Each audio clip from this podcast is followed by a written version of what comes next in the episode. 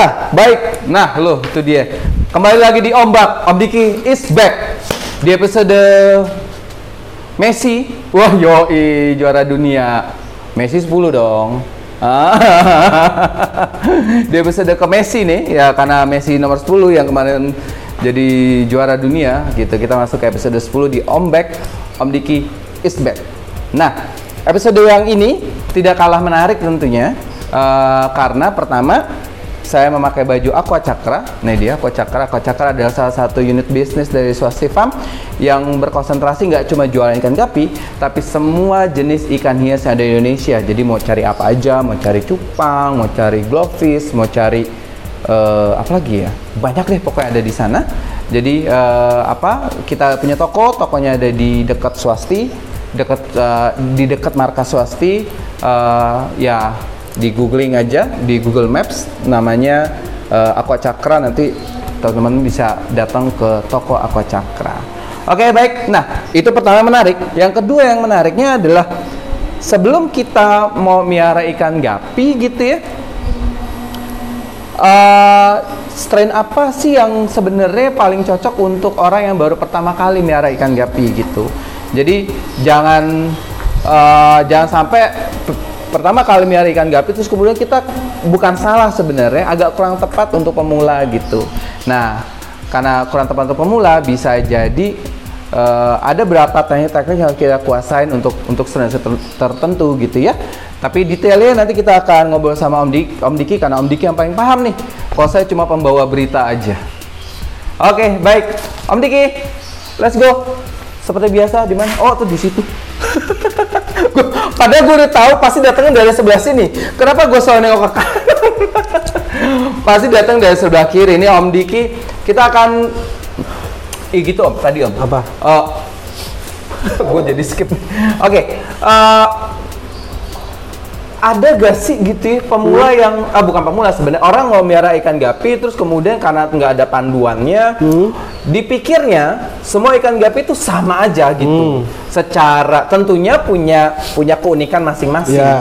walaupun ikan gapi itu salah satu ikan hias yang bisa piara di rumah dan gak ribet sebenarnya iya. kan gitu kan hmm. nah tapi ada gak sih keunikan yang khusus untuk strain-strain tertentu yang sebenarnya entar dulu deh untuk orang yang baru pertama miara ikan gapi gitu ya gini loh ya pada dasarnya tuh semua agama itu kalau saya bilang sih ya hampir sama aja sih ah sama aja sama aja cuma uh -uh. Uh, kalau orang tuh mungkin karena yang kalau mata merah mungkin dia karena lebih rentan ya tapi ya albino ya tapi sebenarnya sama aja sih biasanya sih kalau menurut saya yang ya. ikan ya. yang uh, gampang mati gitu ya memang karena dia memang dari kondisi genetiknya dia mungkin udah terlalu inbreed lah uh -uh. terus mungkin ya kondisi di tempat piaranya mungkin enggak apa dia nggak bisa adaptasi apa adaptasi uh, uh. tapi kalau pada dasarnya untuk uh, teman-teman yang baru pingin mau belajar tuh yang hmm. kalau secara uh. awam ya yeah, itu yeah. yang paling gampang yeah. tuh ya jenis-jenis kayak dragon itu paling gampang dragon mati itu malah justru paling gampang paling gampang mm. kenapa disebut paling gampang ya karena dia tahan dikasih di luar ruangan ya nggak masalah dalam ruangan ya. juga nggak masalah Oke. Okay. Itu jenis-jenis yang lebih cenderung ke ekor hal halmun ya, yang halmun lebih ya? aman ya. Uh -uh. Sama ekor-ekor yang ekor-ekor selain ikan, ikan ikan delta lah, itu lebih lebih mudah. Iya. Tapi kalau ikan delta, mm -hmm. ya mungkin jenis-jenis uh, yeah. seperti taksido, yeah. jenis-jenis kobra itu mungkin lebih mudah dibandingkan jenis-jenis yang lain ya. Oke, jadi untuk teman swasti yang itu itu half moon apa, itu delta apa, itu kemudian kalau kita sebut DS, yeah. kemudian macam-macam, itu jenis tailnya ya, jenis tail, jenis buntutnya gitu. Kalau teman swasti yang ini ngomongin apa sih? Half moon setengah bulan gitu kan, tanggal 15 nih, atau apa uh, gitu. Teman-teman yang mau uh, gapi, kalau ya. yang paling sulit kalau saya bilang ya memang ada di yang ekor delta ya, yang tingkat perawatannya paling ribet dan paling gampang banyak bermasalah itu yang ekor delta. Kenapa tuh? Kenapa misalkan kenapa dia, dia uh, Om Diki bisa hmm. ngomong kan Om Diki 13 tahun hmm. American Gapi gitu. Ketika bilang agak sulit deh kalau delta. Kenapa? Apakah karena kemungkinan tele jadi rusak? Iya, gitu, karena memang karena dari karakter bodinya apa bentuk e- eh, ekornya itu memang dia lebih rentan untuk Rusak. rusak dan lebih sering gampang kena penyakit dibandingkan eh, jenis ekor yang lain Oh, oke. seperti itu. Jadi kalau misalkan ya misalkan nih Hmm. eh, ada orang mau oke eh, aku pengen pengen piara ikan gapi di rumah gitu. Hmm. Di rumah gitu. Ini ekornya oke nih karena kan kalau delta itu rapi banget ya. Lebar-lebar ya. Oh, lebar-lebar rapi banget Ah. tuh bagus tuh. Kemudian kalau kalau half moon itu kan eh, seperti kayak Ya. setengah bulatan gitu Ah, ya. setengah lingkaran. Setengah lingkaran tuh di di buntutnya. Iya. Nah, oh kayaknya aku pengen punya si siapa Half Moon 2 misalnya atau akuarium Hmm. untuk jantan. Nanti nanti kita akan bahas di episode berikutnya. Ada Half Moon, kemudian dua dua dua P eh, du- dua strain, kemudian ada Delta macam-macam dimasukin dalam satu akuarium. Iya. Itu gak itu mungkin saja bisa dilakukan. Bisa, bisa. Jadi gini, kalau teman-teman yang eh, tapi gini, Ya. orang awam tuh biasanya lebih suka melihat ekor yang lebar-lebar. Lebar-lebar, oke. Nah, biasanya sih di ekor halmun bisa juga eh, termasuk udah lebar ya itu biasa untuk orang awam juga bagus. suka tuh ya. Ah, itu itu eh, dengan perawatan lebih mudah. Lebih mudah. Tapi kalau yang biasa bisa lebar-lebar banget memang ikan yang delta sih ya. Delta. Walaupun kemungkinan rusaknya juga Ya. lebih cepat ya. Jadi kalau untuk, untuk teman-teman yang memang mau yang lebar-lebar itu ya cari delta yang kira-kira ya gimana ya? Sebab kadang-kadang tuh orang A bilang, wah ini kuat. I- Terus uh, uh, orang B bilang lain lagi, yang kuat yang ini. Karena memang kondisinya di tempatnya itu beda-beda. Jadi ah, nggak bisa dikatakan lebih kuat mana. Tapi kalau pada Ya. dasarnya eh, untuk yang orang awamnya Ya. ya, yang jenis tuxedo Ya. terus jenis kobra itu lebih kuat lah ah. yang jelas mata hitam ya Ya. untuk yang jenis eh, delta Mm-mm. itu lebih kuat lebih kuat. Mm, Jadi kalau misalkan eh, kalau misalkan eh, untuk tail gitu, untuk tail untuk orang yang baru pertama kali mau nyobain nih taruh taruh eh, apa ikan gapi di rumah di akuarium. Kalau Om Diki lebih merekomendasikan untuk yang half moon deh gitu ya. ya kalau yang Ya. mau yang ik- ik- ik- ikannya kalau yang baru mulai belajar Ya, lebih baik ikan halmun lebih lebih mudah lebih mudah ya. karena dia Ya. tetap bis- eh, tetap lebar ya Ah, ah. tapi perawatannya lebih mudah dibandingkan ikan delta Delta. Tapi kalau misalkan nih, kalau misal itu kan itu banyak tuh nanti eh, teman swasti bisa tanyain juga ke swasti farm gitu.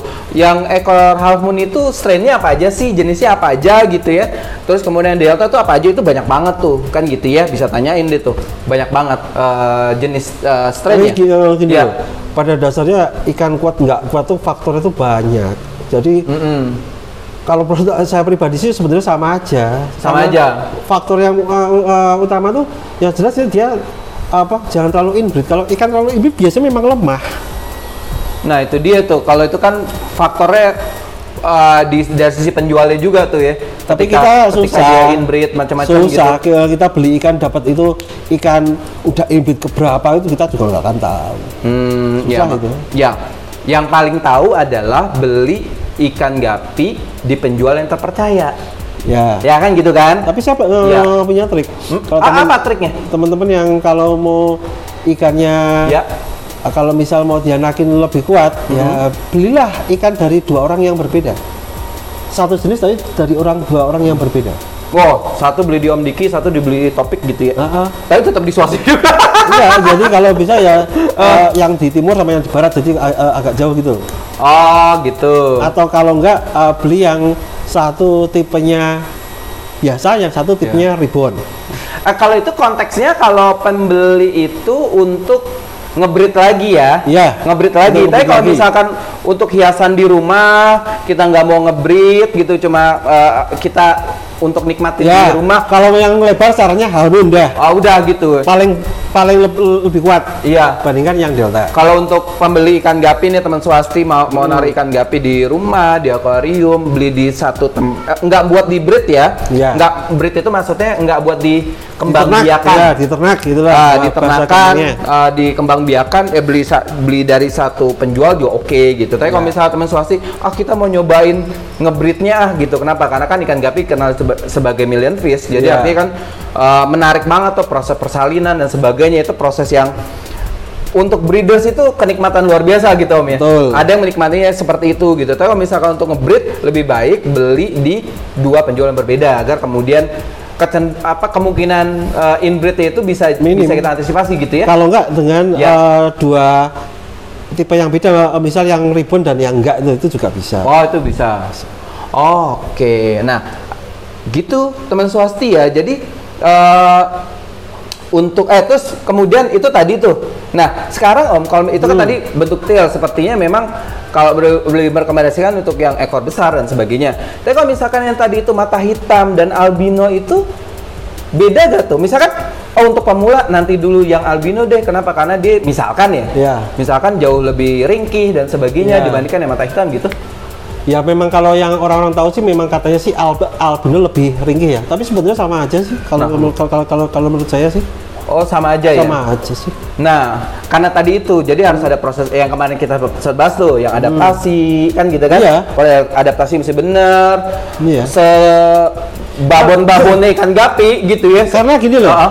kejadiannya uh, ada yang bilang oh lebih kuat mata hitam, tapi nanti a- ada orang yang pas kebetulan Iya. beli mata hitam dan mata uh, yang albino, Yap. yang hidup yang yang yang albino berarti kan teorinya terbantahkan. Ah, iya betul. itu loh Betul, masalahnya betul, itu loh. betul, betul. Jadi kalau saya bilang sama aja karena tiap apa orang tuh beda-beda Ya, apa, apa yang yang dia alami. yang Ya. beda-beda. Tapi Iya. untuk mengantisipasi agar kita punya pengalaman yang sama, kemarin Hmm. kita udah bahas harus bener deh proses adaptasi kita sampai rumah nih gitu. Betul. Yang main kita short bahas tuh mungkin uh, Ya. teman swasti bisa cek di video-video sebelumnya yang siapin rumah dulu nih untuk ikan Ya. gapi sebelum kita beli ikan gapi gitu. Tapi kalau logikanya sih Mang albino Ya. itu lebih lemah karena dia tuh eh, untuk anaknya aja dia kalau dicampur sama yang mata hitam dia pasti kalah besar. Karena gerakannya lebih lambat. Iya. Oh, oke. Dia dia lebih eh, lebih lambat dibandingkan dengan ikan yang Iya. mata hitam. Tapi kebanyakan orang suka melihat uh, ikan gapi yang albino tuh. Kenapa? Karena lebih cerah kan gitu ya. Tergantung. Tergantung Eh, juga. Nah, kalau warna menarik kuning dan merah ya.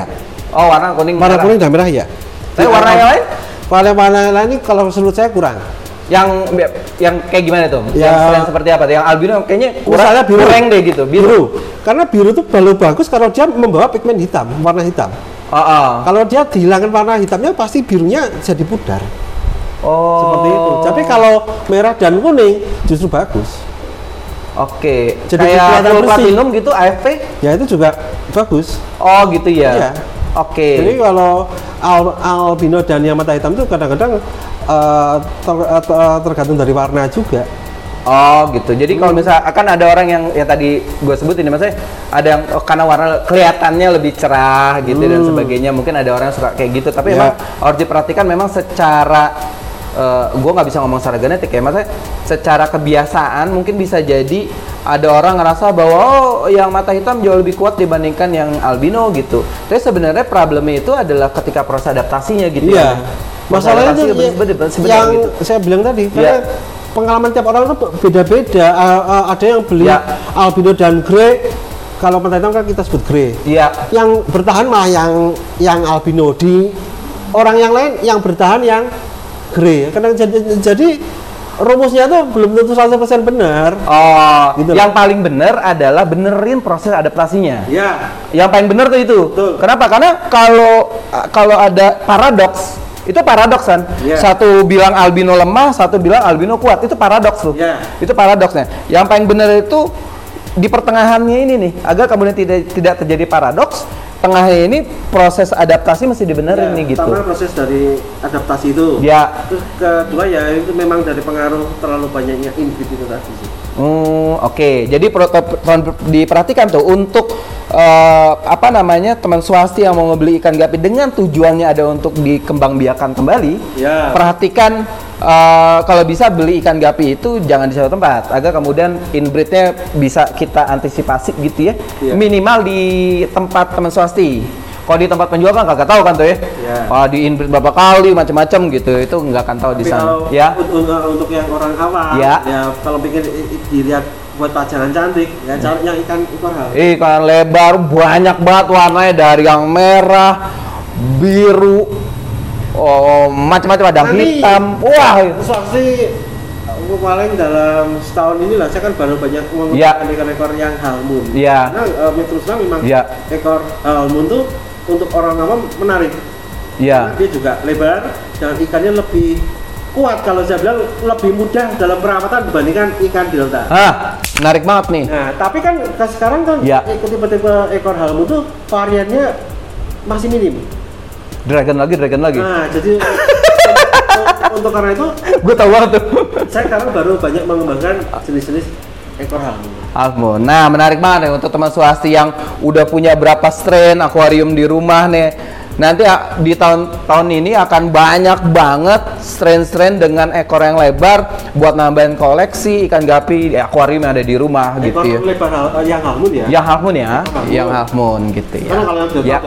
Udah terlalu banyak sih. Oh, delta terlalu banyak gitu, delta terlalu banyak. Eh, ya, Halmoon yang harus dikembangin. oke. Dan untuk orang awam yang mau untuk ikan yang lebih bertahan Ya. itu yang yang halmoon dibandingkan yang ekor delta. Nah, kalau misalkan ini ya, kalau gue, eh, kalau gue gitu, Hah? kalau gue tuh justru lebih suka yang yang sword. Sword. Gue lebih suka sword. Kenapa? Karena ngeplek-ngeplek gitu loh. Ya kalau sword sih memang juga apa kalau dari postur tubuhnya memang perawatannya juga mudah. Oh gitu. Sebenarnya semua udah gitu ya. Enggak, tapi kalau memang yang paling susah susah di delta karena memang Delta. karakter ekornya yang lebar itu loh. Oh, oh. Ya, ya, itu akan membuat banyak masalah itu. dari yang kerusakan penyakit Oke. itu gampang menyerang.